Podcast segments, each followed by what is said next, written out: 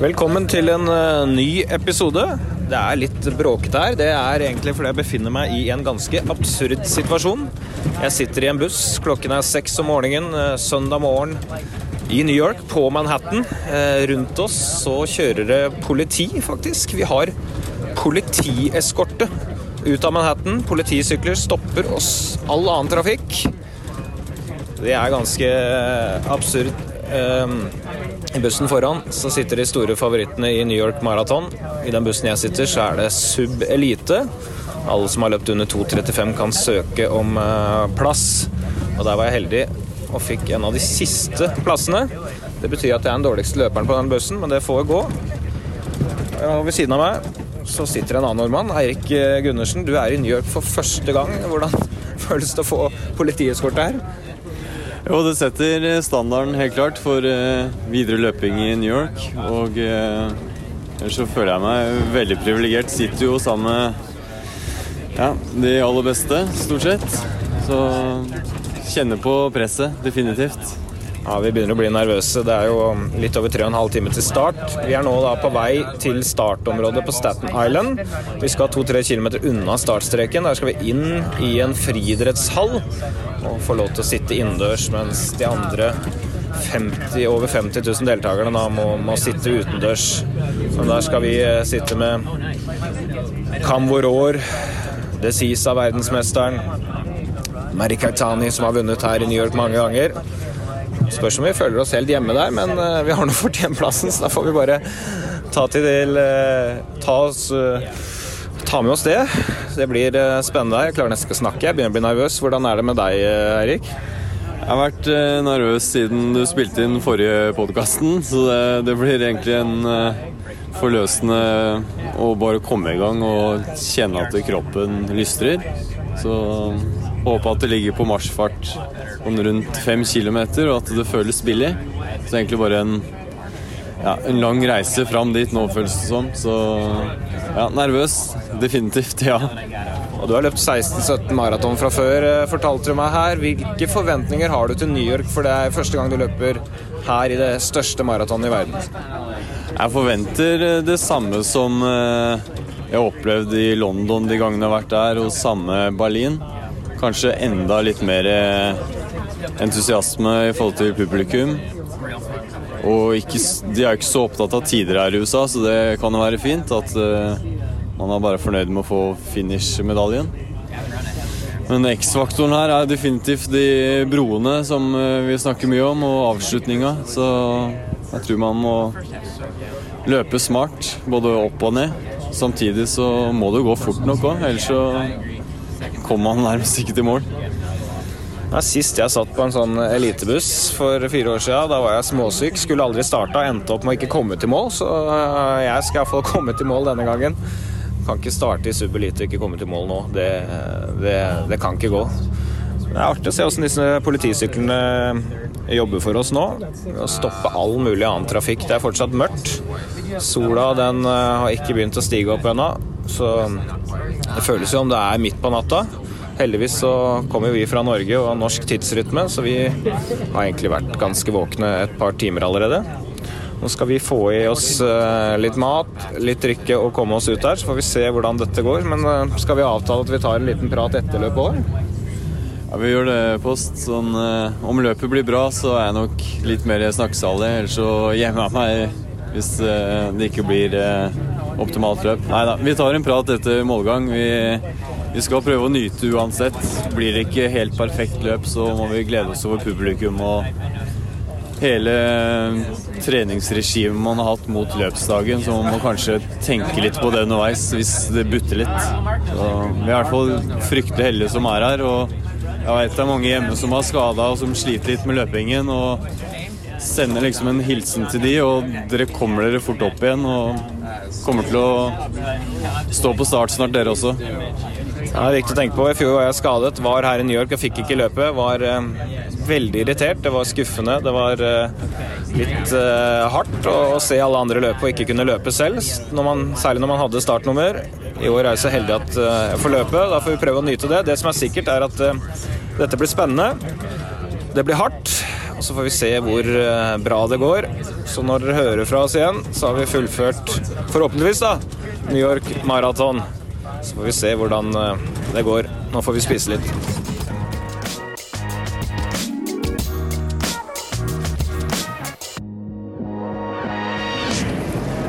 Oi, oi, oi. Det der kosta. New York Marathon. Hardt, men fantastisk. Vakkert. Det er noe for seg sjæl, ass. Så mye folk, så mye løpere, så mye energi. Eh, dette ble tøft på slutten. Siste fem ble litt eh, sprek. Åpna et 16-20, på i nærheten av pers. Kjente vel tidlig at jeg var litt svakere enn da jeg løp pers her for to år siden. Kom inn på lave 2.34, tror jeg. Eh, så traff jeg deg, Erik, i eliteteltet. Der var liksom de beste i verden. Og, så, og du kom litt svimmel ut fra sida der. Hvordan gikk det der? Jo, det gikk eh, greit. Det var, eh, var tøffere enn forventa, den eh, løypa. Jeg visste jo at eh, det var annerledes enn de flate ellers i Europa. Men eh, jeg åpna der jeg skulle, sånn 1.14.30-14.40. Håpa at det skulle gå litt raskere, for jeg veit at eh, andre halvdelen var litt uh, seigere. Men nei, det ble tøft der ute. så Det var uh, hardt, og man glemmer fort hvor uh, tøff maraton er. Det er Man har sjelden mye krefter igjen på 35-36 km, så er for nå er jeg bare helt utlada. Nå har jeg lyst på en cola med sukker og ja. Ellers så fikk jeg god hjelp av støtteapparat. Jeg ble frakta inn i et telt. Jeg hadde kramper fra tærne og opp til navlen. Så nesten alle skulle se på musklene mine dirra, så da fikk jeg noe pulver i munnen og, og en halvliter i kjeften. Så ble båret ut igjen. Da møtte jeg deg. Det var hyggelig. Det var litt av en service her. Jeg var såpass svimmel etter målgang at jeg ble fotfulgt av en vakt i 500 meter fra målgang og inn i teltet. Jeg tror han var litt bekymra for meg. Stilte sånn kontrollspørsmål som jeg liksom skulle svare riktig på. Ja, det, var Men uh, eh, ja. det var akkurat det samme her. Jeg ble båret inn. Altså En kraftig kar som ikke hadde løpt maraton, han la meg på skulderen nærmest. Han bærte meg inn i senga. Men du løper 2.32. Det er jo omtrent like godt som de 2.30 du løp i London tidligere i år. Alt i alt så er du happy. Ja, Du blir på en måte litt sånn fornøyd underveis. det er klart det hadde, Man ser for seg tider i hodet før man, før man går ut og gjør jobben, men eh, jeg skjønte, jeg skjønte på halv at eh, under 2,30 det var ikke mulig, så jeg måtte bare gjøre det beste ut av det og løpe så billig som mulig og få i seg næring underveis. Jeg tror ikke jeg kunne gjort noe annerledes i dag, rett og slett. Sånn, eh, jeg var ikke, var ikke bedre enn 2,32 lav. En eh, 16-17 maraton fra før. Ditt inntrykk av New York Marathon, verdens største maraton? Ja, hit skal jeg løpe igjen. Det, definitivt. Selv om det er bare noen få minutter og jeg er nærmest kasta opp og hatt kramper, men jeg skal løpe her igjen. Det er, eh, og gjerne litt grann kjappere. Hvor røff er løypa, vil du si, og hva er viktig her? Det viktige er eh, Altså, man eh, kan ikke løpe over evne. Altså, man Jeg tror man får det mye tøffere muskulært her enn andre steder. Og man må bare trene på motbakkeløping og nedoverløping, for eh, det tar litt ekstra muskulært, altså. Så Ja, det er ikke noe lett løype. og Det er en bakke inn i parken eh, etter rundt 37 km. Jeg stiger en 30 høydemeter. Lang, seig sak. Den knakk meg. Derfra inn så var det ikke noe mer å hente. Så jeg, jeg så jo jeg passerte 40 at det var mulig å se 2.33-tallet var over å løpe litt under åtte minutter inn, men jeg, jeg hadde ikke sjans, altså. Det var null å koble på med. Men du verden, den følelsen. Komme her gjennom flaggborgen, 400 meter igjen, kommer til skiltet 200 meter igjen, så brekker det opp. Og så se den mållinja. Det var nydelig. Ja, helt fantastisk. Da er det gåsehud, og du tror du vinner løpet. Selv om man eh, er langt bak eliten. De er sikkert eh, på flyplassen allerede, men eh, ja. Det er frister til gjentakelse, så Men ja, som sier, den siste bakken der, der hadde jeg vel fire blank fart, og det føltes ut som det sto stille. Det var jo motvind i tillegg opp den bakken der. Selvfølgelig. Så vi fikk ikke noe gratisdag, selv om temperatur og sånt var, uh, var veldig bra for oss som løp. Men vi, vi er jo to enkle gutter som begynte å løpe på maraton på, på rundt fire timer. I dag har vi vært med på noe som var litt spesielt. Altså For det første i mål, der står Eliod Kipchoge som akkurat løp 1,59. Jeg fikk håndhils på han og gratulert med den, og han smilte og var blid. Men når vi kom til startområdet i dag, inn i en friidrettshall der legger vi oss rett og slett på en svær tjukkas. Vi legger oss på stavmatta. Så vet vi at resten av de 50 000 over det som er med, de sitter borti kulda og på gresset borti. Der ligger vi på stavmatta. Tre meter fra Jeffrey Camvoror, som har verdensrekord på halvmaraton. Vi vet jo fortsatt ikke om han vant, vi vet ingenting om dette løpet. Men det var, var spesielt å være der inne. Ja, definitivt. Vi kan ikke klage på noe i startfasen her. Vi lå på tjukkas, som du sa. Vi klør på hverandre i armen opptil flere ganger. og ja, det var, eh, var, veldig moro. De er eh, mennesker kun, de òg, men du ser at eh, de er fokuserte og Ja, nei, det var moro. Det var litt surrealistisk. Var, vi, vi traff Mustafa Mohammed, veldig hyggelig svensk toppløper som har fylt 40 og sikta på 2,15 i dag. Han, han, så knust ut når vi møtte han etter mål. Da hadde han løpt 2,19, sa han, og var helt ferdig. Han så helt svimmel ut. Men vi snakka mye med han før, uh, før start. og Ehm, det var som vi sa til han, finn én feil. Og det var, det var, vi som var feilen der inne, på en måte. Vi følte oss ikke, nesten at vi ikke fortjente å være der, men eh, det gjorde dette til en spesiell opplevelse.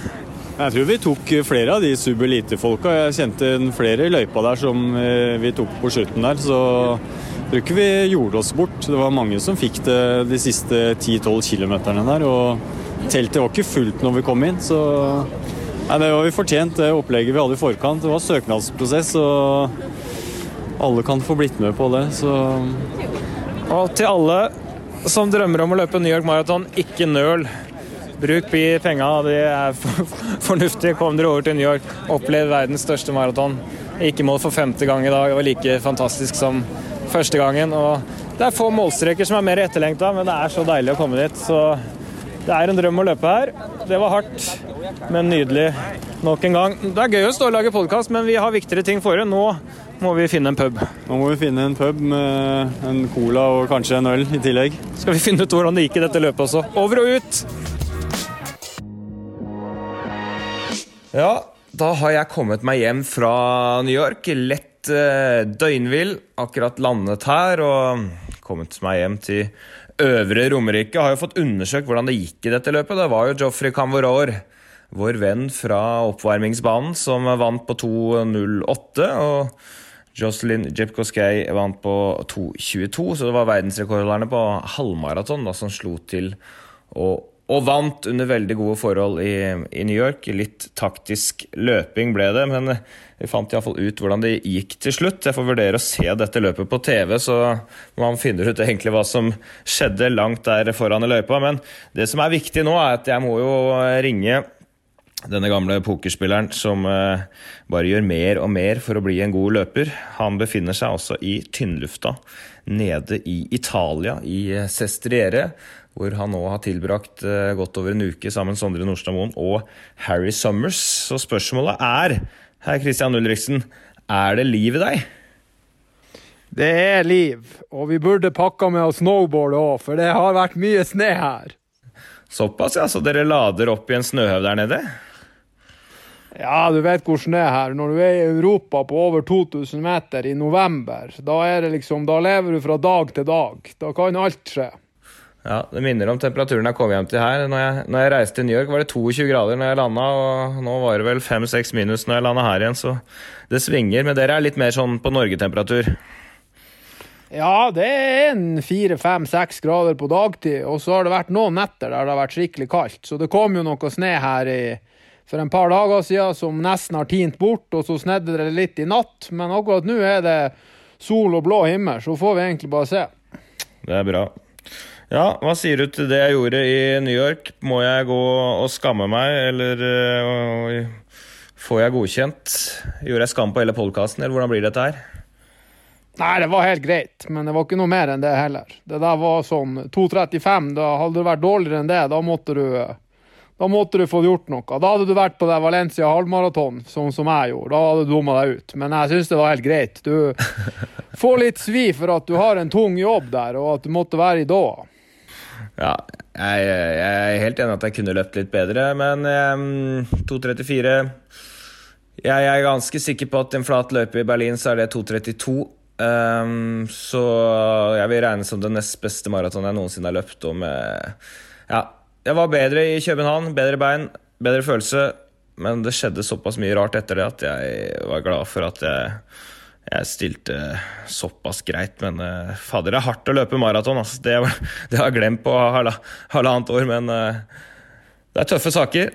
Så uh, du har jo fått med deg der nede nå en som kan dette litt bedre enn oss, Christian. Uh, Sondre Nordstad Moen, som ligger i hardtrening før Valencia maraton om, om, fire uker. Eh, du har ikke glemt hvor hardt det er du, Sondre?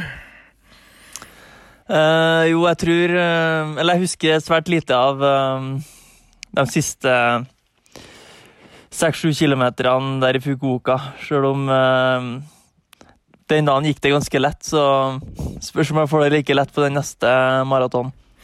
Ja, Det er bare å håpe at du får den følelsen igjen, for det den var Da så det ut som du løp bare fortere og fortere, og det gikk lettere og lettere. Det var litt seigere når du debuterte i Firenze, f.eks., tror jeg. Ja, da mm, Da ble det veldig tungt de siste tre kilometerne der. Eh, men da var det mer muskulært enn eh, at jeg gikk tom for energi. Så, så var jeg på en liten antibiotikakur eh, to uker før, før jeg debuterte der. Så det spørs om det kanskje påvirka litt Litt muskulatur nå. Men nei, jeg var, jeg var trent for 39 km eh, før den debuten, så jeg tror ikke jeg kunne gjort så mye annerledes. Det som er interessant nå, er at du har jo lært eh, litt om maraton siden den gang. Du løp 2.05,48 eh, da i, Fukuoka, som da var europarekord. Og, og nå er du liksom med fire uker igjen, har vært igjennom en uke nå. Nå, nå er du liksom i hardcore maratontrening, er du ikke det? Jo, vi har uh, lagt uh, Nå er det jo uh, Ja hadde jo ei uke etter den forrige halvmaratonen i Valencia, og så Ja, hadde vi en Sprang en 45 km langtur fem dager etter Valencia, da, som var en Egentlig mest litt for å se om en rett og slett har muskulatur til å stå distansen. Så den langturen gikk, gikk fint. Og så gjenstår det en ja, vel tror en eh, tre-fire litt lengre eh, fartsleker, intervalløkter rundt tre eh, rundt tre mil, par og 30 kilometer. Eh, så kanskje ei eller to baneøkter bare for å vedlikeholde litt uh, uh, Litt fart og ja, vedlikeholde anaerob terskel, og så handler det egentlig bare om å få freshe bein siste sju, sju til ti dagene. Men fortsatt, men fortsatt rør på seg, da. Ja, det tviler jeg ikke på at du gjør. Hvor mange kilometer er det i uka sånn cirka nå? Uh, nei, forrige uke var Da var det jo en dag med bare med reise og ei økt på morgenen her, så vi landa vel på rundt 193 eller 194 km. Så det var Ja, uh, hvis en regner med den uh, den reisedagen så var det vel rundt 210 km. Men uh, ja, jeg tror, tror ikke, jeg jeg vil eh, gå noe særlig over 210 uh, de neste ukene. Og så heller For det blir um, når, vi, når, jeg springer de maratonspesifikke øktene, så blir det gjerne at en trapper litt ned på mengden de siste to dagene før økta og to dagene etter økta, og da går det totale kilometerantallet litt ned, da. Ja, Du sier at du fortsatt skal røre på deg, så, så er jo det dagens understatement.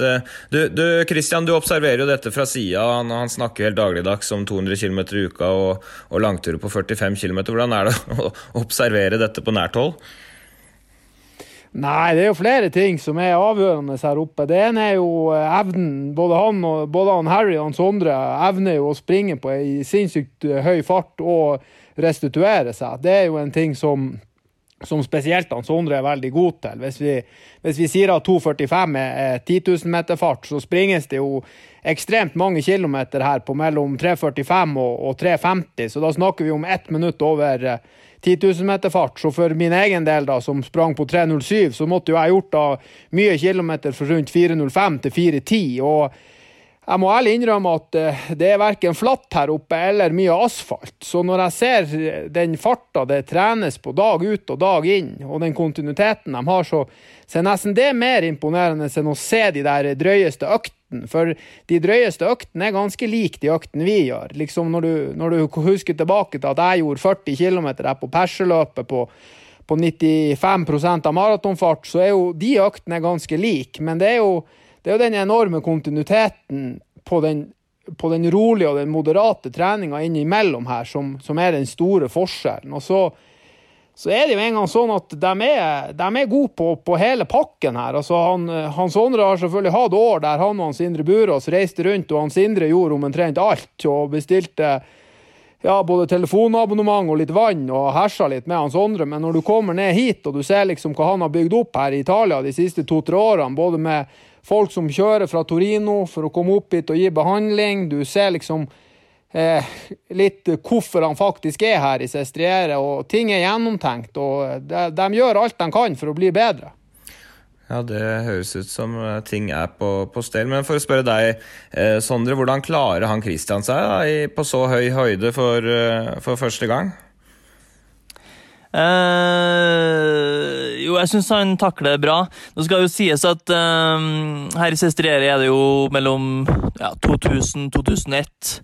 Så er det jo to sidedaler der, der du kan springe rundt, uh, på rundt ja, 1700-1800 meter. Så det er jo ikke Kenya-høyde, men så er det jo Så kan han jo Kan han jo også springe ja, stedvis uh, flatt også. Men uh, uh, også for Christian så er det jo typ en ja, 5-15 sekunder på kilometeren forskjell her og i Oslo. Så, så har han jo bare vært der ei drøy uke, åtte, åtte, dager, så vi får se litt når han kommer ut i uke to, hvordan, ja, hvordan kroppen takler det.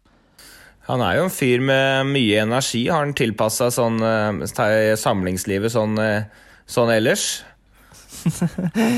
ja, det går, eh, det går jevnt nedover med Med energinivået, tror jeg.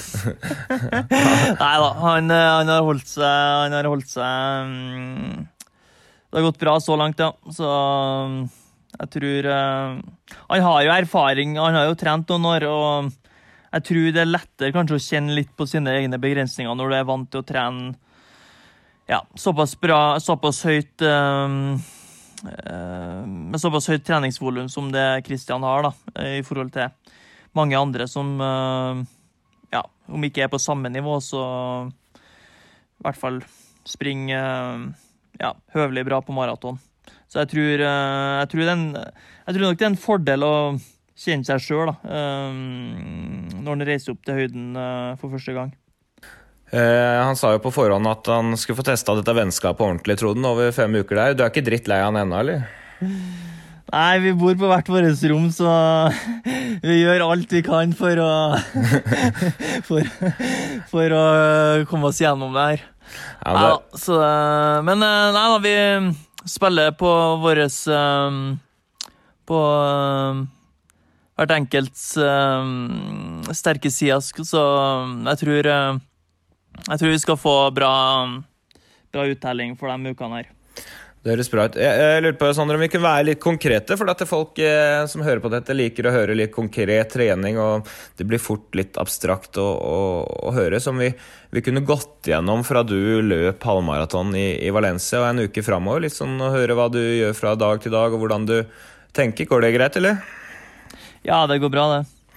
Ok, Da starter vi i Valencia. Så får du også Christian eh, fylle inn. Du eh, var jo i, i, nærheten. Jeg har vært på rimelig lang avstand. Men du løper altså 60-15 på halvmaraton der etter en, en, tøff åpning. Du var vel bare 10-11 sekunder bak nor norske rekorden til Jakob eh, på 10 km ved passering 10 km. Og så kommer du inn på, på 60-15 og ga vel uttrykk på Instagram etterpå at du var sånn middels fornøyd eh, med din nest beste tid noensinne. Hva sier du nå? Uh, ja, nei, altså, jeg reiste um, uh, Det halvmaratonløpet i København var egentlig uh, ja, litt som en test, egentlig. Se litt hvor den sto i forhold til den hadde lagt ned av litt lengre økter. Eh, og der var jeg litt uh, Ja, vi slapp ikke opp noe særlig på treningsmengden. Og jeg stilte der og var litt sånn halvsliten. Og så Når jeg ja, Så hadde jeg egentlig ambisjoner om å klare å være med teten første 10-12 kilometerne, i hvert fall. Um, men da, der så måtte jeg slippe uh, rett før 7 kilometer, og mentalt så var ikke jeg klar for å springe 14 km for meg sjøl, så da mista jeg, jeg litt fokuset, og det var òg litt tanker rundt 13 km der på å faktisk bryte uh, utøverhotellet. Uh, og Eh, jeg la merke til både vind og alt mulig. Eh, hvem som sto langs løypa og ja. Så mm, da ble det det det ble. Eh, så ut ifra det så hadde jeg forventa å springe litt fortere i Valencia. Men Og det var også Renato sin tanke, at vi skulle prøve å legge inn litt mer Legge inn litt flere elementer for å ja, springe under pers, i hvert fall, da, i Valencia nå. Men ja, når vi Har, men som ukene har gått, så har, um, har vi vurdert, at, vurdert, dit at uh, det var like viktig å holde opp treningsvolumet litt. Få gjort noen langturer, og så Ja, så blir det det blir, men Renato var ganske sikker på at jeg kunne springe litt under pers, da. Men det er klart, det blir Det blir i overkant hard åpning for meg den gangen her òg. og rent sånn mekanisk så er ikke jeg i stand til å slappe av i, på den farta der. Det blir litt dårlig Altså, det blir ikke økonomisk nok. Så um, etter 28.04 så, så må jeg rett og slett bare gå ned på fart altså for å komme meg til mål. Kristian, eh, du, du, var jo der, og, og, han eh, har jo pers på 59,48, som han snakker om at han håpet på å kunne løpe under. Løper på 60,15. Hvis vi går utenfor eh, de som er født på det afrikanske kontinentet, så er det vel kanskje bare en tre, fire, fem, seks mann i hele verden som har tatt sjanse å henge med. Er han litt litt streng med seg selv. Jeg, jeg syns jo det er helt utrolig ikke å være helt fornøyd med det der. Jo, han er jo det, men altså, man skal huske på at når du prater med resultater, og du prater om, om konkurranser med Renato, så bryr ikke han Renato seg om hvor du kommer fra, og hvilket årstall du er født i, og om du er fra Etiopia, eller om du er fra Norge, eller om du er fra Island. Det driter han i. altså. Han Renato mener at han Sondre er kommet dit nå, at en del av fremgangen også ligger mentalt i å springe med teten. Og så kan jo vi alle være enige om at når teten åpner på det 27.55, eller hva de åpner på, så er det liksom Det er altfor fort, og så får han nok en gang svi for det. Litt sånn som i København. Men en dag så holder det der inn, og så springer han på 59,05, og da er det ingen som husker de her løpene. ja, jeg syns det er ganske lovende hvis du har en eh, midt på tre-dag og, og, gjør det der fem uker før maraton, så må det der være bra. Men, men det vi skulle inn på her, var jo egentlig hva gjør man i etterkant av et halvmaraton? Det er sikkert mange som lurer på. Eh, du våkner da opp i Valencia eh, mandag morgen. Hva gjør du da? Hva tenker du da treningsmessig? Nei, da var Dagen etterpå så var det ei økt før avreise tilbake til Italia, så da sprang jeg en 15 km i den parken der ja, der løypa går rundt, skulle du si. Så gjorde vel en time på ja, eller 56 minutter på 15 km. Uh, så ja, det er bare en luftetur, skulle du si. Uh, og så på dag to, da, den tirsdagen, så gjorde jeg 18 km på morgenen og 12 km, med, 12 km på ettermiddagen. Um, da, var det, da, er, da er det høyden igjen? Da er en rett Ja, da er jeg tilbake i høyden igjen. Og så første Så første tre Ja, på dag to og dag tre så er det egentlig bare å springe Gå tilbake til ja, rundt tre mil om dagen, eh, men ikke spesielt fort, da. Nei, men det, det, det, der må vi ta litt tak i, Sondre. For at uh, du sier jo 5-6 minutter på 15 km. Det er 3,45 ca. Det vil si uh, grovt regnet ett minutt saktere enn din 10 km Så for en som løper på 40 minutter, så ville det vært da fem minutter på, på kilometeren. Det, det er jo ikke fort, uh, men det er ikke veldig sakte heller. Hvordan tenker du? Ser du på klokka i det hele tatt, eller hva gjør du da dagen etter et løp sånn? Nei, altså På den økta der så kunne jeg sikkert ha Jeg kunne sikkert ha sprunget fire blank. Men nå er det jo sånn at jeg har jo løpt oppe i fjellet her nå i tre måneder, og ja Når du kommer ned i lavlandet, helt paddeflatt, så er ikke 3.45 veldig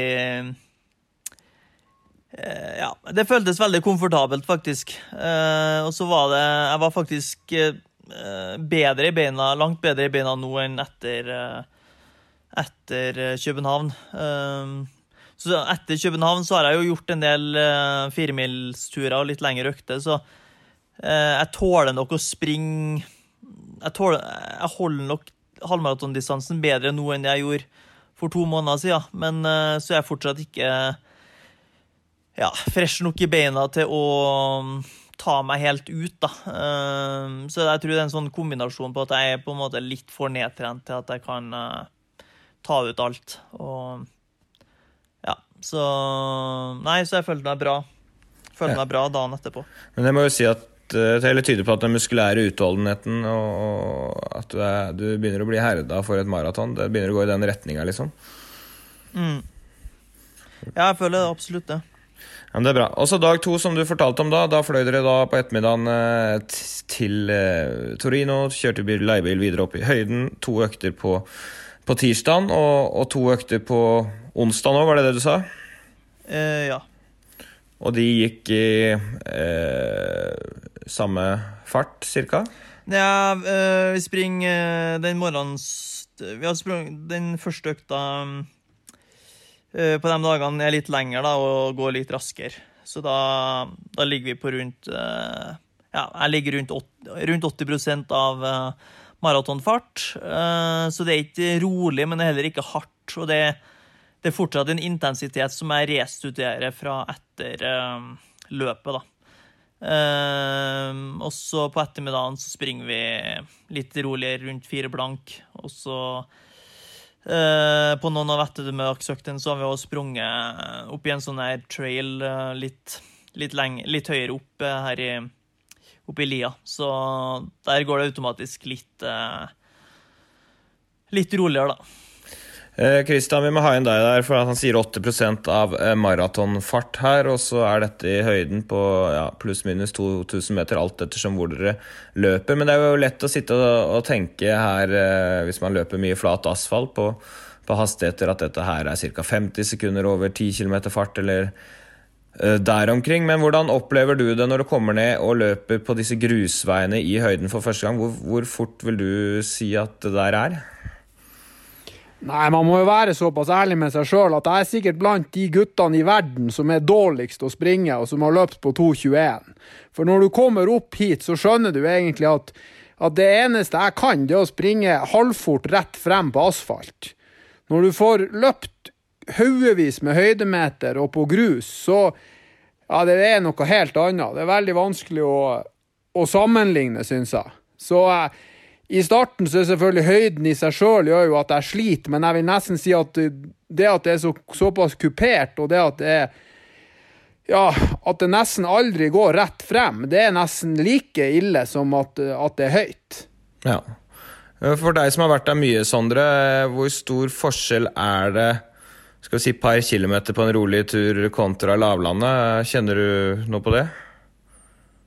Uh, hvis jeg springer helt flatt på asfalten her, eller eh, springer på, rundt på banen her, så er det ja, kanskje fire-fem sekunder forskjell i forhold til lavlandet, men uh, ikke noe mer enn det.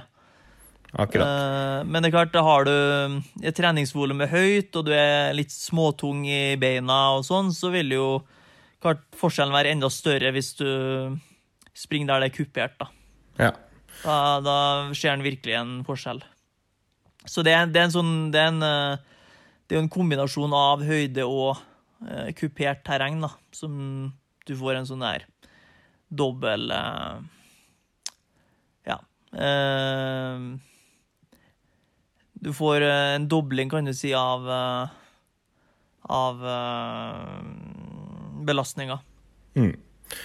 Men dag én, altså én økt eh, 15 km, og så har du to økter da på tirsdag og onsdag, rundt 30 km totalt. Sånn eh, grovt regnet så er vi på dag fire, da, torsdagen. Og er det da at man begynner å vurdere å kjøre noe hardt igjen, eller hvordan tenker du? Nei, da, da hadde Det var dagen Så var, eh, da hadde jeg en rolig dag eh, ekstra. Da sprang jeg 15 km på morgenen og 15 km på ettermiddagen. De to øktene gikk litt roligere. Da hadde jeg vel et snitt på rundt 350 351 på Ja. begge de to øktene. Og så kjørte jeg en motbakkesprint eh, 10-80 meter i en bakke som er rundt eh, Jeg vil tro den er rundt 7-8 det, signing. Det er inter Eh. interessant økt, eh, det for så vidt. Altså um, ti ganger 80 meter motbakke i, i den prosenten. Hvordan gjør du det med pauser da? Da er det å gå ned tilbake og egentlig starte eh, når en føler seg egentlig helt eh, uthvilt igjen. Så, men eh, ja, i lavlandet så har jeg kanskje et sånn rundt 10-15 uh, mellom hvert drag, mens her så blir det mer rundt 1,30 kanskje. Så bare har litt mer Litt mer eh, litt mer pause for å sørge for at det ikke blir eh, Ja. eh, At du er uthvilt og kan eh, springe maks da på, på hvert drag. Uten at det blir noe laktat uh, opphopning på Men- noe som helst vis. Men er dette full sprint, eller holder du igjen litt? Nei, det er full sprint. Du prøver, du prøver å bruke det du har av, eh, av, eh, raske, mus eh, av eh, raske eh, muskelfibre. Så det er egentlig for å holde det litt ved like, da. eh, Når eh, treningsvolumet er stort og en ikke har eh, intervalløkter som går eh, ja, eh, langt fortere enn maratonfart. Akselererer du fra stillestående, eller glir du i gang før du trykker til full sprint? Nei, det er stort sett eh, ja, Du kan si det er en mellomting mellom det å stå helt i ro og det å springe i gang, da, men eh, sånn i utgangspunktet så er det eh, stillestående start, ja. Så det er som Ja, det er som et Det er som et sprintløp, rett og slett. Hvor, eh, hvor belastende føler du det er å, å kjøre en, en sånn økt på det du kaller en rolig dag, men det er jo 30 km løping der? Uh, Nei, faktisk så føler jeg, faktisk føler jeg meg bedre mm, etter jeg har gjort det enn før. Uh, Så du får jo Du får jo vekt kroppen litt. Uh, Og når en gjør sånne økter, sånn motbakkesprint jevnlig, så kan du oppleve at du føler deg bedre mm, Du har litt mer pop i steget egentlig neste dag eh, også. Mens eh, går, det, går det for lenge mellom sånne økter, så kan en oppleve å faktisk eh, føle at det tar noe ut av en. Ja, Grunnen til at jeg spør, er jo for at du røpa jo litt tidligere i denne samtalen at du løp 45 km langtur dagen etter. og Det er klart at eh, du kaller en rolig dag 30 km løping med, med 10 ganger 80 km 80 meter eh, motbakkesprint. Eh, jeg vil ikke si at vi to hadde vel ikke kalt det en sånn helt rolig dag, Christian? Nei, vi skulle slitt. Men det som er også er bra for Sondre sin del, her nå er jo at han for første gang på lang tid liksom har en mann lam med seg. Sånn som på de, de hillsprintsen. Så han Harry, uten å gå for mye inn på hva han er god på og dårlig på, så kommer jo han fra et sånn klassisk australsk system med tirsdag, torsdag, lørdag-intervall, og en mann som er vant til å ta i enormt mye på trening. Så når han Sondre får sånne der økter, så får han en, en mann her som er veldig veldig god og veldig mentalt god på å ta seg ut på sånne der ting. Så han Sondre får en bra sparingspartner. Så når de springer de der hilsen, så springer de jo 10 ganger 80 meter konkurranse opp bakken. For de som ikke hørte forrige episode, så er det da Harry Summers som har gjort uh, ja, rundt 27,50 på 10 000 et par ganger i, år, og, og, som nå uh, for første gang i sitt liv trener med Sondre opp i høyden. Men Sondre, er det sånn at dere to da har konkurranse på disse sprintdragene? Er det om å gjøre å komme først opp, eller hvordan er, utarter det seg?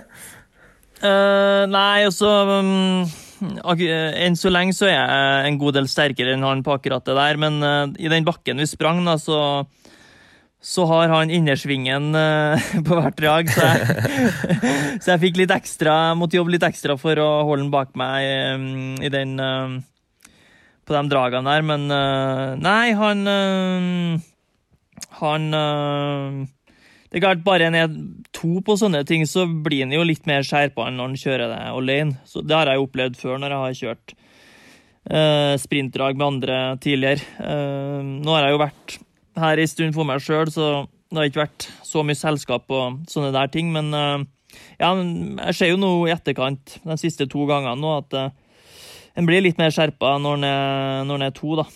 Så i hvert fall når det går såpass lenge, lang tid mellom uh, at han har trent med, trent med noen på samme nivå. Så han får ikke innersvingen neste gang, er det du sier?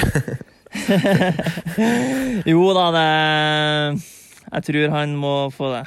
ja, det er bra. Men så over til Nei, men, sånn, men, men det er klart at den 10 ganger 80-meterne det, det, er ikke noe som tar noe, og som sitter i beina til neste dag. Uh, så det her er jo Det der motbakkesprintene er jo noe jeg gjør én til to ganger i uka hele tida. Så uh, det er ikke sånn at Jeg ser ikke på det som ei økt i seg sjøl. Nei, det skjønner jeg. Mm. Men det er jo en ting man kanskje må jobbe seg litt inn i hvis man skal begynne med det. fordi at ja.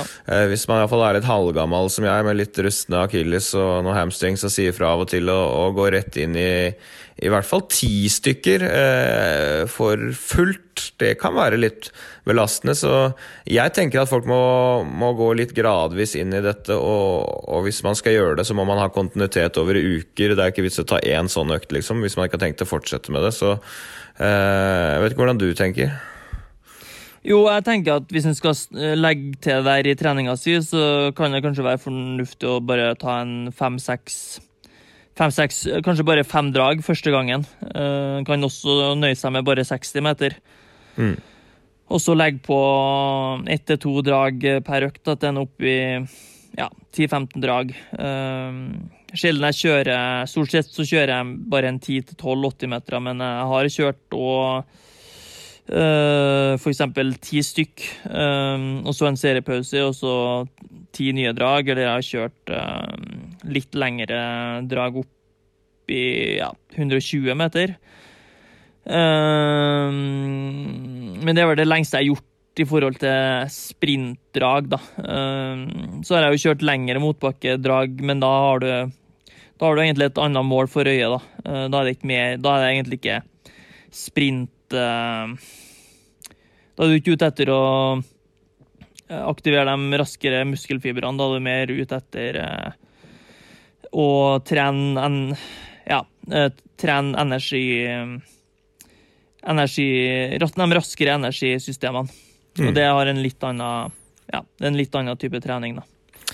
Ja, Vi kan gå over til dagen etter. Det dreier seg om litt annet enn sprint, det også. Eh, du nevnte 45 km. Dette er altså en real langtur over maratonlengde. Og, og, hvordan var den økta bygd opp? Uh, nei, altså mye av treninga jeg gjør her, uh, blir jo egentlig eh, sånn at en uh, legger opp øktene litt etter hvordan terreng en har å benytte seg av. Så da, da kjørte vi da altså to kilometer oppvarming, og så uh, starta vi på toppen av den ene dalen her. så da skulle, vi, skulle jeg springe fem kilometer eh, slakt nedover på 15.30, og så skulle vi skulle jeg holde en fart rundt 3.40 på de fem kilometerne tilbake igjen, da, slakt oppover. Eh, men innad i de fem kilometerne oppover så hadde vi en slags eh, Ja, da hadde vi litt fartslek der Renato da brukte hornet på, på bilen. Um, så hadde vi På de bratteste partiene så um, sprang vi på litt, og så når vi sprang på de flatere partiene, så slakka vi litt av, bare for å Ja.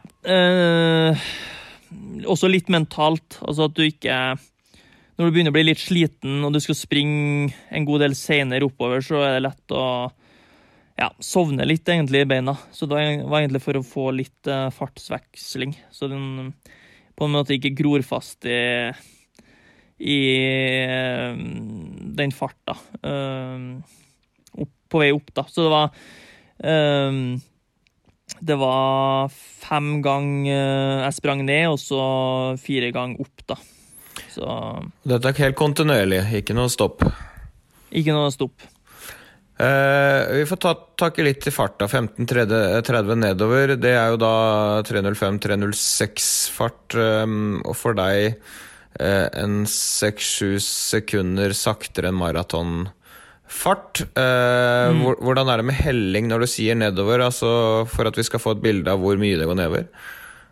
Ja, Det var vel rundt 90 meter forskjell. Eh, så du har et par partier der det går veldig bratt ned. og det er såpass bratt at du faktisk ikke Det er vanskelig å springe noe særlig fortere egentlig på de partiene. Og så er det jo Eh, ganske røff, eh, røft underlag med litt stein og sånne ting, så det Du må nesten Skal du springe noe særlig fortere enn 2,55 ned, ned, der, så må du egentlig ofre ja, ofre helsa, nærmest. Så, og så slakker det litt ut de siste to kilometerne. og der er det litt, kan det være litt vindutsatt, faktisk. Så ja, det går nedover, men jeg har vanskelig med å springe noe særlig fortere enn 2.55-2.54 i ett strekk ned der, altså. Og da tar jeg. Så det um, Så sammenligna med det jeg har gjort av økter der før, så er 3.06 um, ja, bra fart, da. Ja, men hvordan opplever du intensiteten eh, når du ligger på, på, på den farta der? Nei, den dagen så ville jeg vel kanskje oppleve det som et sted mellom halvmaraton og maratoninnsats. ja, så du føler at det er, eh, det er såpass fort? Ja, jeg gjorde det den dagen i hvert fall. Ja, ja men det, det er jo 25 km som går sånn, da, pluss da eh, fire ganger fem km oppover med fartslek. Eh, fartslek mm. involvert. Det er en ganske røff form for 45 km, og en ganske eh, økt med mye liv i. Da. Du, hvordan er det med flytfølelse når det hele tida skal skje noe? Ja, altså Den økta her er jo først og fremst en økt uh, for treneren min for å se um, hvordan jeg takler distansen både mentalt og muskulært. da. Så det er jo ikke det, jo ikke det nærmeste en kommer spesifikk maratontrening, men uh, Eh, de fem kilometerne jeg springer fort, er jo uh, ja, innafor uh, 5% unna maratonfart. Og så kan en jo si da at det er lang pause da, med fem kilometer rundt 80 eh, Men det er oppover, av dragfarta. Ja, det er oppover. Så ja. Det blir jo det blir jo en kontinuerlig hard langtur, og snittet på det her til slutt ble jo rundt 3.16-3.17. Ehm, så du kan si sammenligna med at jeg sprang 45 km samme sted for to år siden, eh, to måneder før, 2.05, der jeg snitta på 3.34. Ja. Ehm, så er det jo klart, det er jo ei langt hardere økt. Ehm, som kombinerer litt mer intensitet enn bare enn bare varighet. da. Ja, hvis vi skal oversette for folk, da, så må du ha passert da maraton på, på 2,18 høy. og Det vil jo si at du er eh, 13 minutter bak egen pers på maraton. Eh, mm. Det sier jo litt om intensiteten på, på, økta, hvis folk skal oversette til sitt eget arbeid. og ja. det, er jo ikke, det er jo ikke noe hvile hjem det når underlaget er som det er og høyden er som det er.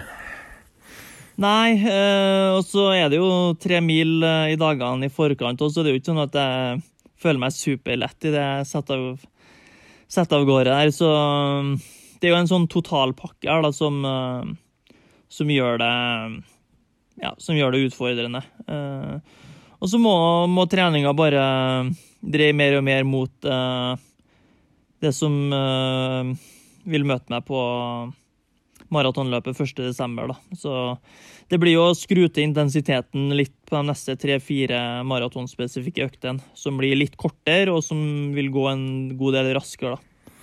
Jeg sitter jo med noen spørsmål her. Er én hvorfor gjøre støtte på grus og ikke på asfalt for å herde på det underlaget? Eller tenker man at opp og ned gjør at det er minst like hardt for beina? Ja, men øh, jeg ser egentlig mer og mer øh, Altså, vi springer jo litt på asfalt her, og det er jo En av veiene oppi her er jo ja, 50-50 eh, grusasfalt, så og nå når det har kommet litt snø oppi her, så har vi jo blitt tvunget til å sprunge litt mer på asfalt. Men eh, jeg føler egentlig mm, Så lenge treningsvolumet per dag er 30 km og mer, så jeg er ganske sikker på at beina skal, skal bli her, er herda nok. Og det er klart den blir ganske most i beina ned, når den springer ned, da, nedover på den økta der. Så eh, sånn med tanke på å herde lårmuskulaturen, så vil jeg si at det her er minst like Ja, jeg vil egentlig si det er mer, eh, mer muskulært enn å springe bare flatt asfalt. Det er det jeg også tenker. Og hvis man skulle løpt Boston eller New York, så tror jeg det er en idé også for vanlige folk å kanskje gjøre noe av det der. Ikke bare oppsøke den flateste asfaltstrekka man kan finne i nærheten av times kjøring rundt hjemmet sitt, men at man kan gjøre litt mer av det der òg, da. Mm. Ja, altså du får jo brukt muskulaturen på to forskjellige måter når den springer opp og springer ned. Så Men så handler det egentlig om å Kan du si eh, Ja, rett og slett springe eh, eh, Ja, nå falt jeg litt ut av det her, men rett og slett springe avslappa nedover. også uten at den bruker eh, noe særlig mer energi. Eh, så at den bruker eh, ja, tyngdekrafta litt på å på å ta seg framover. Men eh, muskulaturen jobber jo Du får jo litt eksentrisk muskelarbeid eh, eh, når den springer nedover, da. Så Og ja. Nå det jo, blir det jo helt flatt eh, der i Valencia, men eh, slagene får han jo uansett, så jeg tror Jeg tror ei sånn økt eller to av den typen der er, er gunstig for eh, som en eh, Ja, som en basis, da, for eh, maratondistansen. Mitt neste spørsmål til deg er, er hvor hardt tar du helt på slutten? Altså, det må jo være ganske tøft for deg, men, men er det sånn at du har mange flere gir på slutten, eller hvordan kommer du ut av den økta? Ja, altså, de fem kilometerne nedover der gikk jo fra alt fra 15.07 til 15.34. Eh, Så den 15.07 var det nest siste draget, og så hadde jeg 15.34 eh, på det siste. Eh, Når jeg snudde Eller når jeg sprang ned siste gangen, så hadde jeg litt antydning til litt hold. Så det ble egentlig å Ja, i stedet for å liksom presse for at den absolutt skulle ha 15.30, så slakka jeg litt eh, og fikk prøvde å fikk kontroll på på holdet. Så da ble det 15.34 til slutt, men eh, ja. Uten, eh, uten hold så hadde jeg fint kunnet ha løpt eh, Kanskje ikke 15.07, men 15.15, 15.20 eh, på det siste draget. Men eh, Med kontroll. ja, med kontroll. Så du er ikke i grøfta, var liksom? Nei, på overhodet ikke. eh, På ingen måte. Uh, Det var det vi litt, litt fram Så til. ja. Men, men eh, Christian, du skulle ha med deg denne økta. så Du trente tidlig på morgenen og, og satte deg i bilen sammen med trener Renato Canova. Hvordan opplever du den økta på nær tolv? Nei, jeg gjorde jo unna det. Jeg sprang 90 minutter her oppe før han Renato kommer. Det er jo en gang sånn at han Renato bor en, rett i overkant av én time å kjøre herfra. eh, Nesten en og en halv, kanskje, ned i Torino. Eller utenfor Torino. Så, når de har noe helt spesielt, så kommer han opp. Så han kommer selvfølgelig opp nå, og så eh, går de litt igjennom økta før, eh, før vi kjører ned til dalen, og så slipper vi jo dem av som han Sondre sa, vi hadde jo to kilometer oppvarming, og du, du ser jo at både han Harry og han Sondre liksom, du, du, må på en måte slite seg litt i gang der, og så vet du at du skal springe 45 km. Så jeg tenkte noe mitt der. Men jeg Renato satte ut to kjegler i hver ende av løypa, liksom, så de springer jo rundt i kjeglen på toppen av løypa og under løypa, så da er det jo 180 graders vending òg. Og så er det jo eh, han Renato er jo glad i å bryte opp de der lange øktene også for at ikke folk skal kjede seg i hjel. Så spesielt den, de fem kilometerne oppover der eh, Når han på en måte fløyter da, og bruker hornet på bilen, så er liksom da ønsker han å ha mye høyere frekvens og eh, mye, altså et, et, ganske sånn stort skille i farta oppover kontra den farta de springer til. For det om det høres 340 høres for så vidt greit ut oppover, så er det den oppoverbiten der, den er egentlig litt sånn underkommunisert. Det, den er mye tyngre enn det, enn det man egentlig tror eller ser på papiret. og han Harry fikk jo òg kjenne litt på det etter hvert. Han løp 33 km sammen med Sondre, og han sprang seg ikke i grøfta, han heller. Men du ser på en måte at den der variasjonen i terrenget, det gjør noe med han òg. Og der er jo han Sondre sinnssykt sterk, for han er så vant til å trene sånn. Ja, jeg syns jo dette her høres eh, ut som en ganske imponerende, imponerende økt som ikke hvem som helst kan uh, drive med. Men det er jo et spørsmål til deg, da, Sondre. 45 km som er over maratonlengde. Uh, Hvis liksom vanlige dødelige uh, skal drive med det der, hvilken lengde For dette her er noe av det lengste du gjør. hvor skal vi andre stoppe, på en måte? nei, der tror jeg en må der tror jeg en må ta det litt uh, gradvis, da. Altså Jeg tror for de fleste mosjonister som springer over, over, tre timer, og som har en vanlig jobb og familie på si, så tror jeg nok en heller må bare se på hvor lang tid en er ute, og ja, hvor lang tid en er på beina, skulle du si. Uh, så 45 km er nok ikke noe er nok ikke et must for uh, mosjonister. Eh, jeg tror Snakker vi under 2,20, 2,15 og fortere, så tror jeg nok uh, du kan ha et par økter der uh, på overdistanse. Du kan dra, litt nytte av det, men nå bruker en jo vesentlig kortere tid da, på en 45 km hvis en springer 3,20 på kilometeren kontra 4 minutter eller 4,15 eller ja, der omkring. Så uh, jeg tror nok for de aller fleste så er nok uh, 4-35 km til 40 km uh, tilstrekkelig distanse da, på trening for å bli klar uh, for en maraton. Jeg tror intensiteten på det er viktigere enn eh, at en på død liv må ha overdistanse.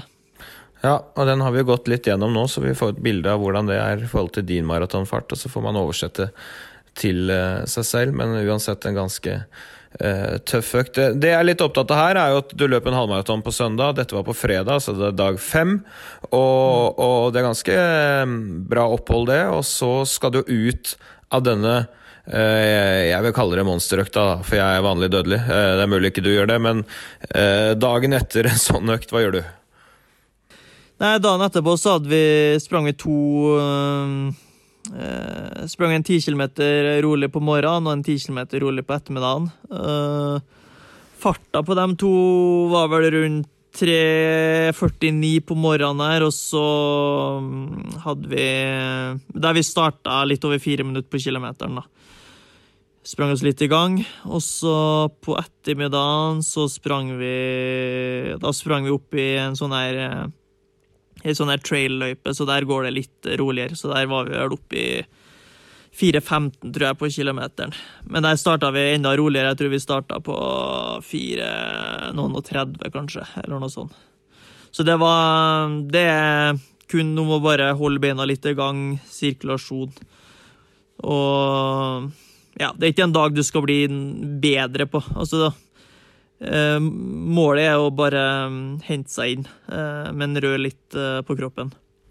Ja, det er jo litt trening, det. Jeg tenker at vi som ikke er vant til å løpe så mye, kanskje må sørge for å holde det kort, kort den dagen. Og ikke, Ja. ikke slite på muskulaturen, i hvert fall. Om man kjører to kort eller én kort, det får kanskje være opp til nivået, men øh, du tar det relativt pent, da. Mm, gjør det. Men Christian, du hadde kanskje en annen opplevelse for du var med på den første økta der skulle ha litt sånn terskel, og du er tross alt en 2.21-løper på maraton. Du syns det gikk eh, halvgreit, gjorde du ikke det? Ja, det er jo utrolig. Det er jo som jeg sa i sted, du, liksom, du, du innser hvor begrensa du er altså, å springe når du er her oppe. Men vi kjørte til toppen av dalen, og så slapp de meg av, og så sprang jeg 20 minutter nedover, ca. fire blankfart. Sånn lett moderat, da. Eller moderat, vil jeg jo si, ikke lett moderat. Moderat nedover. Og så sprang jeg 20 minutter med dem oppover.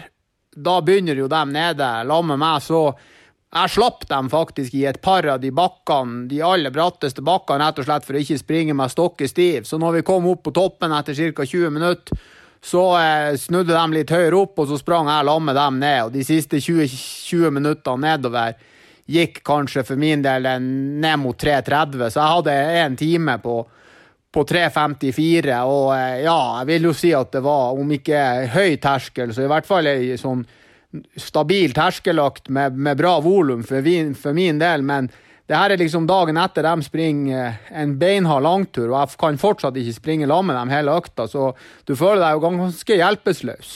Ja, og da skal du løpe medium eller litt, litt mot terskel, liksom. Og du er en 2.21-løper maraton, så det, det sier litt om uh, nivåforskjellene, så eh, Og kanskje litt om hvem som er mest vant til den type terreng og den høyden også, men eh, det er jo litt eh, morsomt, da, dagen etter disse gutta er på langtur. Var, du gadd ikke vente på den, Sondre? Nei, det Vi Nei, vi, som sagt, vi sprang kontrollert opp, og så ja, slapp vi på litt eh, Ja, vi, vi sprang jo ikke noe stigningsløp eh, den dagen her, så vi Ja. Vi, ofte så kan en oppnå litt av det samme med å la beina gå litt i de eh, bratteste nedoverbakkene. Bare eh, få litt frekvens på beina. Så de siste to kilometerne gikk jo litt raskere, da. Det gled vel ned mot 3.30 helt på slutten her. Men Men si eh, det, kjent, det kjentes greit ut for begge, da. Ja, det, altså det var det jeg skulle fram til. Hvordan kjennes beina dine ut? Uh, altså Jeg har jo løpt maraton nå for to dager siden, uh, og, og det hadde ikke vært greit å løpe engang, men du løper da en sånn uh, hardøkt som jeg jo stikker unna å løpe en fullmaraton for deg, men hvordan, hvordan er muskulaturen? Kjenner du noe i det hele tatt? Ja, jeg var litt Jeg brukte jo Vaporfly-sko på den langturen her. Det var et par sko som jeg Ja, de er vel snart uh, klar for å byttes ut, så jeg vet ikke om eh, den foamen er helt eh, Helt det den en gang var. Så jeg faktisk var litt eh, Jeg var faktisk litt banka i lårene, eh, på fremsida av lårene. Så følte meg litt eh, litt flat. Eh, spørs om jeg kanskje burde ha spist eh, Spist enda litt mer enn jeg faktisk gjorde eh, etter den eh, langturen. Så eh, Men eh, Nei, jeg vet ikke. Det er lett uh, Når du springer rolig og er litt sånn halvbanka i lårene, så kjenner du litt mer på det enn hvis du på en måte skulle sprunget litt raskere og holdt deg litt lenger uh, Holdt seg litt, litt, litt mer opp og Ja. uh, Holdt seg litt mer opp i steget. Så Men det kjentes eh, Jeg vil si det var Det kjentes bedre ut enn det jeg hadde forventa. Mm. så mm, jeg tror jeg Tror jeg henta meg eh, godt inn, og at eh, ikke økta tok så altfor mye.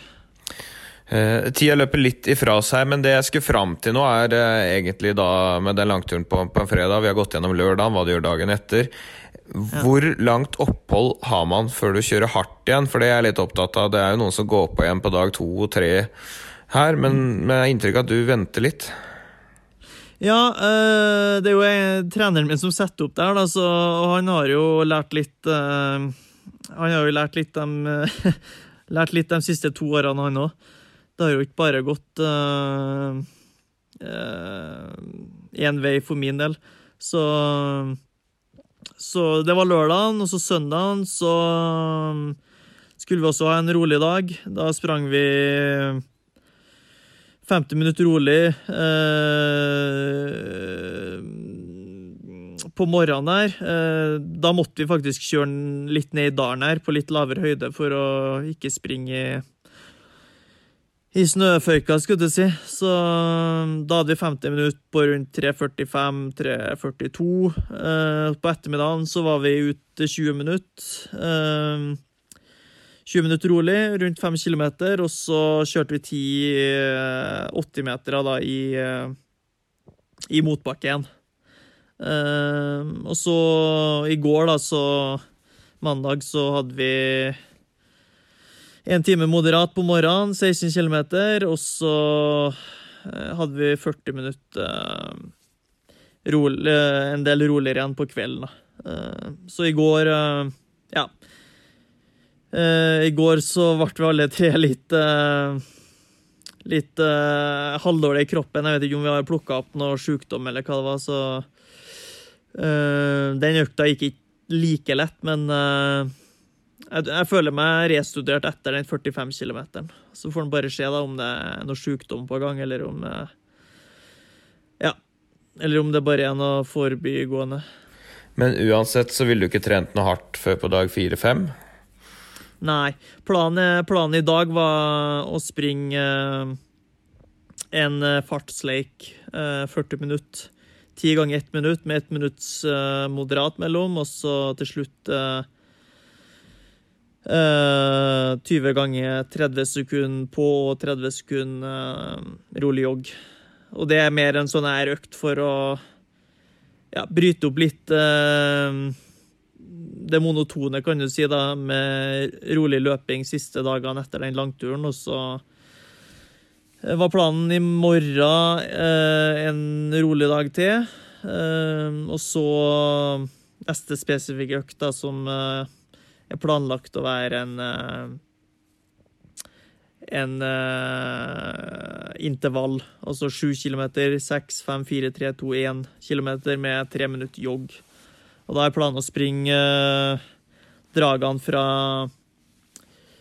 tre minutter og ned til 2,55 uh, på den to kilometeren, og så litt raskere på den siste kilometeren. Så, men det er ei økt som uh, som eh, vi må ja, skyve litt på, da, inntil, vi, inntil jeg kjenner at eh, kroppen er helt klar igjen. Ja, det skjønner jeg, men det, vi kan jo kjapt oversette den løypa eller økta. Det blir 28 km med drag og så flytpauser imellom, så vi ender jo godt over tre, ja, tre det blir, det, blir ikke, det blir ikke, flyt, det er ikke flytpause på den. Det er faktisk, ikke flytende. Eh, nei, det er rett, han, treneren min ønska rett og slett bare jogge, joggepause. Så ja fire blad uh, Ja, la oss si rundt 4.30 kanskje, da, på, på i pausene. Så, men pausen er ikke viktig. da. Det, vi ønsker rett og slett bare 28 km uh, rundt maratonfart og, rundt maratonfart og litt raskere. Så, ja. så den, den økta kan jo gjøres enda hardere med å springe raskere i pausen, men det blir nok eh, den neste hardøkta igjen. Altså at en eh, setter sammen eh, intensiteten og, og lengden til enda mer eh, i retning eh, kontinuerlig hard løping, uten noe særlig avbrekk. Ja, jeg skjønner. Men da får du iallfall 28 km, og det var da på og, og litt under maratonfart. Eh, som var tiltenkt da, for å oversette. Folk kan jo fort bli blenda bare av eh, kilometerfarta der, men vi må liksom oversette til ditt nivå. For å skjønne hva det, dette dreier seg om. Det, det, skal, det skal sies at den økta har vi planlagt å kjøre i lav, eh, lavlandet. da. Ja, det utgjør vel også litt eh, Og underlaget har jo litt å si òg, hvis dere kjører mm. på asfalt. Ja. Nei, men Det er veldig bra. Da har vi fått et fint inntrykk i, i hvordan du jobber i, i, den spesifikke perioden. Vi kan vel si at du tar det litt pent ut av disse lange, tøffe øktene, både halvmaraton og denne harde langturen, men at du ikke begrenser deg så mye. I hvert fall ikke inn i den langturen, sånn som vi vanlige folk øh, opererer. Så, øh, og volum er høyt oppe, og du tar vare på disse mm, andre viktige tingene, som motbakkesprinter, og, og gjør det du skal. Så det er bra trøkk over dette her, Christian. Ja, det er god sammensetning. Han der gamle italieneren han er god til å sette opp program. Og så gjelder det å, å rett og slett bruke hodet fra utøverne som får programmene, til å eh, nødvendigvis eh, ikke gjennomføre 100 for enhver pris, men gjøre det man skal. Mm. Ja, det blir spennende. Får håpe at um, kroppen er i vater så fort som, fort som bare det. At du får fortsette dette kjøret. Det, det, nærmer seg jo. Det er tre uker og fem dager. Det er vel så man begynner å kjenne litt på det, er ikke det? Nei, jeg har ikke begynt å Eller altså, jeg har jo hatt den eh, datoen 1.12. i bakhodet en stund, men uh, det er såpass uh, Ja, jeg vil si det er fortsatt såpass lenge igjen at en kan ikke gå og gruble så altfor mye. En må ta litt dag for dag. Og så har vi jo litt den her utfordringa med været her, så vi må vi må nesten se litt de neste dagene hva vi gjør, om, eh, om en eh, fortsatt kan eh, ja, sove høyt og så trene på litt lavere høyde. Eventuelt om en må rett og slett flytte ned i lavlandet for de siste tre ukene. Men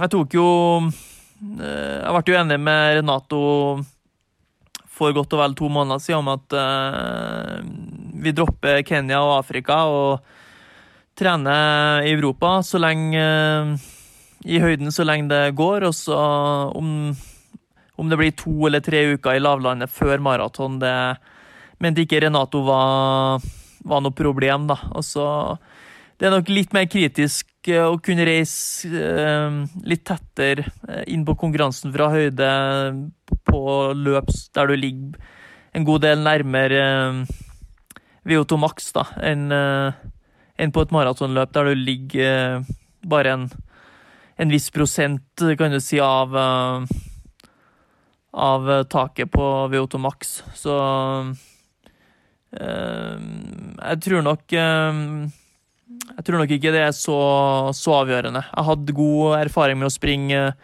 på dag 23 i Hanover for, for to år siden. Og da fikk jeg òg Eh,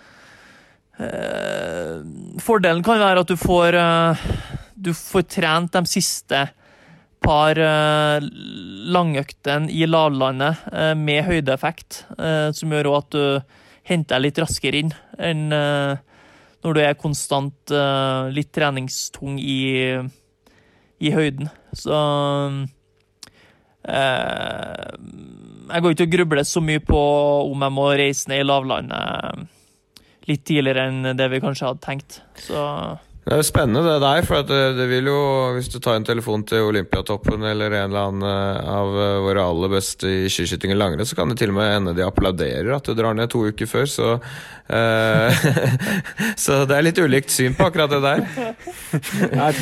Jeg, tror ikke de der for langrennsløperne skal prate for mye om sånn der høydegreier med Renato. Han er, han er av en annen oppfatning enn den der norske skoleboka. Ja. Og så er det vel egentlig sikkert sånn at det er mye som er individuelt, og til syvende og sist er det så mye, mye som funker for, for, mange. Ja, og fasiten den får vi 1.12., så det er jo det er jo det gledelige, at man får uh, svar til slutt. Og så har du jo med deg en som er vant til å løpe litt i snø og vind, Sondre. Han der fra Nordpolen ved siden av der, han, han syter, syter vel ikke om det snør litt? Nei, han ble jo bare glad når han uh, så det begynte å snø der. Så. jeg fikk, fikk tetta luka her nå når sneen kom. Da må de roe ned, og jeg, får jeg springer fortere. du sklir på litt, du da. Litt... Han Harry Summerson har aldri sett snø før, så han sliter. Jeg er litt mer bekymra for han, kjente jeg, jo. han la ut uh, eh, 30 bilder på sosiale medier med en gang det hadde kommet uh, lite snødryss der, mens dere andre holdt dere relativt i ro og var vant til dette, så det er forskjell på folk. Ja, det, det er absolutt det. Ellers... Nei, men han var, han var, godt forberedt. Eh, jeg sa til han for en måned siden at ta med det du har av uh, varme klær. Uh, det kan bli Ja, det kan bli Det kan bli hva som helst, skulle du si, så han var forberedt på at uh, det kunne bli litt snø her og litt utfordrende og med logistikken i forhold til hvor vi skal trene til hver tid, men ja. Jeg tror, jeg tror vi finner Vi finner alltids en en løsning på det. Det er bra han ikke bare hadde med seg Australias korteste splitshorts og en singlet, så da er vi på. Jeg har jo også utnevnt uh, Christian til gruppas klovn. Uh, uh, gruppas svar på Mini Jacobsen. Åssen kler han den rollen? Jo da, han holder Han er Han er riktig, riktig person til den Til den Ja, til den den jobben. Så eh, det, er bra, det er bra å ha litt forskjellige karakterer ja. med. det, er, det, er, bra. Det høres ut som humøret er eh, bra, iallfall. Nei, men tusen takk for et herlig innblikk i treninga, Sondre. Så ønsker jeg bare ja. lykke til i de neste ukene. Veldig interessant å, å, høre hva de beste i Europa driver med, også for oss som holder på på et totalt annet nivå. Jeg tror det er noen ting å la seg inspirere av, og, og noen ting å ta lærdom av. Så får vi bare oversette til, til vårt. Men jeg minner altså om at eh, Sondre har en 10 km-fart på, på ca. 2,45. Halvmaratonfart på 2,50 til 2,52 og maratonfart på 2,58-2,59. Iallfall til nå i karrieren, så det må dere ha i bakhodet når dere skal oversette intensitet og, og fart her, og ikke bare la dere blende av, av tall som er langt utafor det vi vanlige dødelige eh, driver med. Så Kristian, så får du eh, fortsette å å gjøre jobben i høyden der. Jeg syns du har klart deg bra til nå. Det har ikke vært noe stunt. Nei, vi må holde nevene på rattet. Det som vi har prata om før, det viktigste er jo å komme ned fra å være i bedre form enn når vi kom opp. Og jeg sliter jo med å klare å springe rolig nok når det begynner å bli høyt. Spesielt, vi har vært én tur på 2004 og et par turer på 2002, og når det i tillegg er litt sånn lett tåke, da skal jeg innrømme at da begynner det å bli lite luft igjen her oppe. Så da er da blir det litt sone to, litt mer enn man skulle ønske, men jeg tror at jeg kan eh, Når vi reiser ned litt, når vi er på 1500, så er jo pulsen litt deretter. Og jeg har prøvd å bruke pulsbånd for, for, å ha en viss kontroll på det. Men det jeg tror det viktigste her er å ikke trene for mye for hardt. Så kan man jo selvfølgelig diskutere om, om at det rolige kanskje burde være enda mer rolig, men eh, vi gjør nå så godt vi kan foreløpig, og så får vi bare se opp til skyene og håpe at vi blir bedre. Det høres bra ut. Vi får mer om det når vi kommer tilbake. Kanskje heter vi da I det lange løp og blir utgitt av NRK. Den prosessen går sin eh, rolige gang, så får vi se. Nå har vi vært litt ute og reist selv her òg, så vi får ta tak i det nå. Men nå, gutta, nå må jeg hente i barnehagen. Hvis ikke er jeg ikke, så er jeg livredd for at nøkkelen ikke kommer til å passe i døra her i morgen. Uh, så det får vi, får vi, bare gjøre nå. Det er bare å få henta ungene, og så bestille det neste års sommerferie opp her til Sestriere. Da blir alle glad. jeg skal foreslå det over middagen i dag, eh, dagen etter jeg kommer hjem fra New York. Det faller skikkelig god smak, så, så kan vi snakke om det til uka. Det Takk til dere skal dere ha, gutta. Vi høres. Hei Ha det. Ha det.